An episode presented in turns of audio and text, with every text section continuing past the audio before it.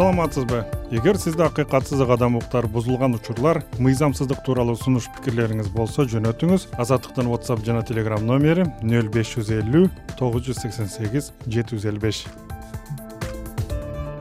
Азаттыкка баткен облусуна караштуу лейлек районунан мохина орунбаева кайрылган ал былтыр июль айында кыргыз тажик чек арасында атышууда курман болгон чек арачы хуснидин хажиевдин келинчеги болот. Орунбаева былтыр жардам деп берилген үйдү өкмөт өкүлдөрү кайра кайтарып алып койгонун айтып буга маркум күйөөсүнүн катыштыгы бар окуянын сотто каралып жатышы себеп болгонун билдирди махина орунбаева өмүрүнүн алты жылын мекен коргоого берген хуснидин хажиевдин урматына бишкектен үй берилишин өлкө президентинен сурайт. Баткенге барып жашай албайм мүмкүнчүлүк болсо эми жок дегенде алты жыл военныйда иштеди кичине жардам берип балдарым жаш мына баткенде иш жок болсо кантип бакам бишкекке алмаштырып бергиле деп таза сурандым. Ошо кечээ барганда губернаторго дагы кирсем менин колумдан эч нерсе келбейт мен жардам бере албайм деп ошо президент өлкө абдикарим алимбаев дагы ушинтип эме кылды да. Анан кызыл китептин бериңиздер анда десем ошо прокуратура келип токтоткун булардыкына бербей тургула деп ушинтип эме кылыпты да. Дагы эле үй немеси ошол бойдон турат же берилсин же берилбесин деген жери жок да кызыл китептерин кайтара алып койгон аракет кылдым да. Мисалы үчүн баткенге барып жашайын деп ошо мадина шарчасыга бирок бул эки жаш баланы мен ал жака барып жашай албайт экенмин да. Таза эле чеки жерде экен да. Анан кайра кайра аракет кылдым президентке неме кылып кат жазып же неме кылып же өзүгө жолугайын десем эч болбой койду. Бул жактарга айтсам жок биз чечпейбиз анан президент тарабынан берилген деп баардыгы өзүнө алып качты мен суранайын дегени президенттен мүмкүнчүлүк болсо башка жерге алмаштырса болобу. Мисалы үчүн военныйда өткөндөр бишкектен алып атат бизге кантип эле баткенден болуп калды деп кайра кайра ойлоном да. Баткенге мен мына эки колумдагы балам эми жети айлык болду. Кичине балам үч жаш. Садикке берейин десем садик жок ал жакта. Мен орунбаева мохина. Былтыр сегизинчи июлда лейлектеги көк жайлоо аймагында кыргыз жана тажик аскерлеринин ортосунда атышуу болгон анда хуснидин хажиев окко учкан кийинчерээк президент садыр жапаров баткенде кыргыз тажик чек арасындагы атышууда курман болгон кыргызстандык жоокер хажиевдин үй бүлөсүнө көңүл айтып маркумдун жакындарын колдоо максатында баткен шаарынан жаңыдан курулуп жаткан үйдү берүүнү тапшырган. Былтыр күзүндө аталган үй берилип бирок эки миң жыйырма экинчи жылдын башында кайра кайтарылып алынган. Ушул күнгө чейин маркум хажиевдин үй бүлөсүнө үй бериле элек азаттыкка бишкек шаарынан кулипа аттуу мугалим пикир калтырган. Ал мектеп директорлору мектептердеги акча чогултуу жана мугалимдердин жума сайын көчө тазалоо иштерине тартылып жатышы тууралуу айтат. Баардык эле школдордо ошондой көбү негизи могу чүй области менен бишкек шаарыныкы акча чогултуу баарында эле.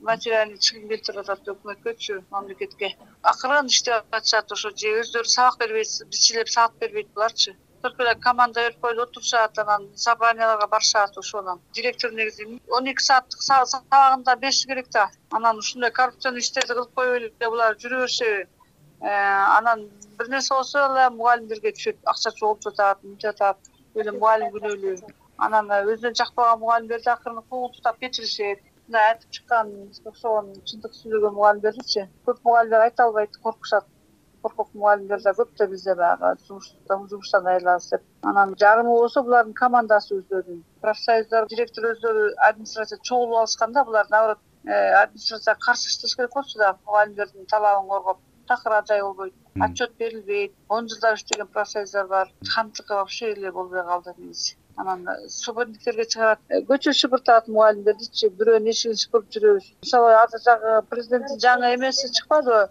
көчөт отургузуу боюнча.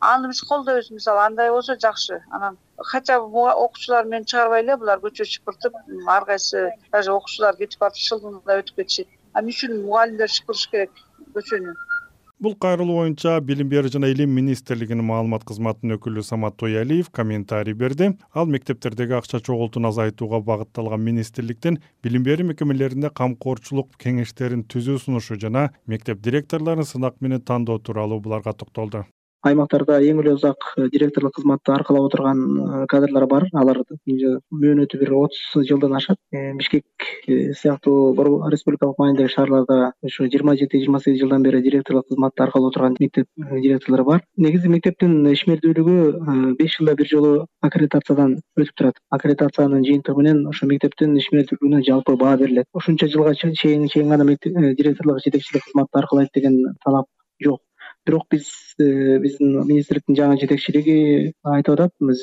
министрлик дагы ошол багытта иш алып барып жатат. Жакынкы арада ушул мектептин жетекчилерин дагы мындай э, конкурстук тартипте тандап алуу механизмдерин киргизебиз. Ушул багыттагы иштерди алып барабыз деген э, ойлорубуз пландарыбыз бар билим берүү жана илим министрлигинин маалымат кызматынын өкүлү самат тоялиев мугалимдердин көчө тазалоо иштерине тартылып жатышы боюнча мектептерден да кайрылуу түшүп жаткандыктан министрлик жергиликтүү башкаруу органдарына кат жибергенин белгиледи. Э, жалпы республикалык э, масштабта жарыяланган э, кайсы бир акцияларга башка тармактын өкүлдөрү менен катар эле катышса болот. Бирок жергиликтүү бийлик органдарынын мажбурлоосу менен кандайдыр бир иш чараларга тактап айтканда өзүнүн түздөн түз милдеттерине функционалдык милдеттерине кирбеген иштерге мажбурланган учурлар болсо биз андайларга жол бербөө керектигин э, айтып эскертип келатабыз. Э, бул тууралуу тиешелүү э, протоколдук тапшырмада берилген министрлик кабинетинин төрагасынын орун басары эдил байсаловдун колу коюлган протоколдук тапшырма жергиликтүү бийлик органдарына жөнөтүлгөн. Анан ошого карабай бул ушул көрүнүштөр кайталанган болсо албетте жергиликтүү бийлик органдары протоколдук тапшырманы эске алууга эске алып ушул көрүнүштөрдү токтотушу керек да.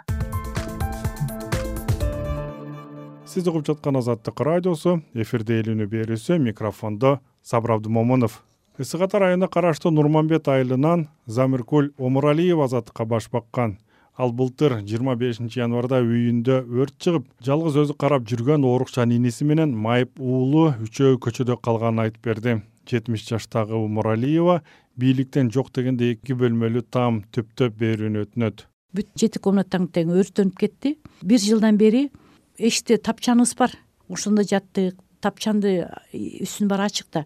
Аны болсо жана эме кылып алдык пакеттер менен байлап ошондон кыштап жазга чыктык. Жайы менен жашадык кырк градус ысыкта жашадык акалап. Анын үстү шифр асты цемент да. Кыш келди кыш келерде эки комнатаны эптеп эшигин тиягын бекитип биягын ачып терезесин баарын ошентип эптеп жалгыз өзүм жетимиштеги кемпирмин айланайын. Эки инвалид бала эчтеке кыла албайт өзүм ошолордун баарын э, майлап сүттөп эметсем үйүм баары эле бокочодой капкара болбойт экен ал күйгөн үй болбойт экен. Эми бизге жардам бере турган эч ким жок өзүбүздүн участогубуз бар ушул жерге эле кичинекей эки комната времянка салып койсокпу деген эмебиз бар болчу да времянка салдырып алсак деген үмүтүбүз бар болчу. Председательге деле айтам губернаторго деле айттым э, жапаровго деле жаздым кайра эле алар жапаровго жазган катыбыздын баары председатель келет. Председатель жакшы эле жардам берди мага аябай. Он миң берди баягы кыйналып биринчи өрттөнүп калганда былтыртан бери. Анан баягы үчүрөөк дагы эки миң берди эки миң сом. Эчтеке деле болбойт экен бир күндүк оокат болуп калып атат.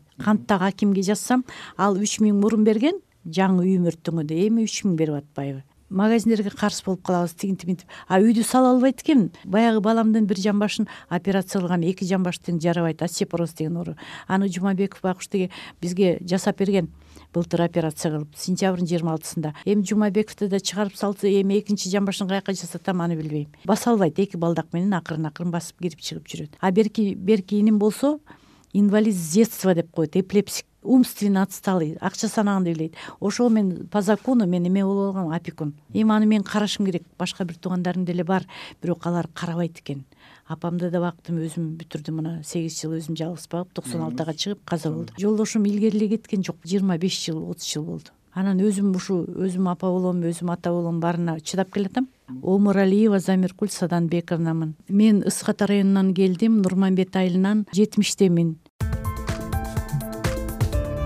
ысык ата районунун новопокровка айылында турган абдырашид дасытегин эл үнү аркылуу президентке кайрылат. Ал мындан бир нече жыл мурда кытайдан кыргызстанга көчүп келгенин ошондон бери дыйканчылык кылганга жер аянтын ала албай жатканын билдирди. Абдырашид дасытегиндин максаты арзандатылган жер ижарага алып ондогон адамга иш ордун түзүп берүү. Мен жерге иштегенди да билем малды да билем. Кичинекейимде баарын көргөм. Чоң аталарым терең багбан болгон. Эми мен эки жыл жүрүп мурунку падышалардын убагында ала албадым жер. Көрсө алар өзүнүн тааныштарына берип жүргөн экен мен эки жылдан кийин азыр моратория болуп калды берилбейт деп айтты. Ошо менен жүрүп жүрүп эми дагы кайра кайрылып атам. Мүмкүн болсо ушул жерди мага берсеңер мен ал жерди керек болсо эл келип дем ала турган ушундай кобуз бөр хозяйствого э, неге айлантырам а жерге бүт мөмө жемиштеги мал да күтөм малды да билем. Кой жылкы нече породасын билем ой абдан жакшы хозяйство кылат элем. Бал челегим бар жерден этем. Ушулардын баарын жаштарга үйрөтүш керек. Жаштарыбыз баары айыл айылдан келип мына шаарга чогулуп алды. Шаарда жумуш жок. Баары соодагер болуп элдин акысын жеп атат. Жаштарды тарбиялашыбыз керек. Эгер ушундай жер колума тийсе эл суктана турган ушундай бир жакшы хозяйство кылат элем.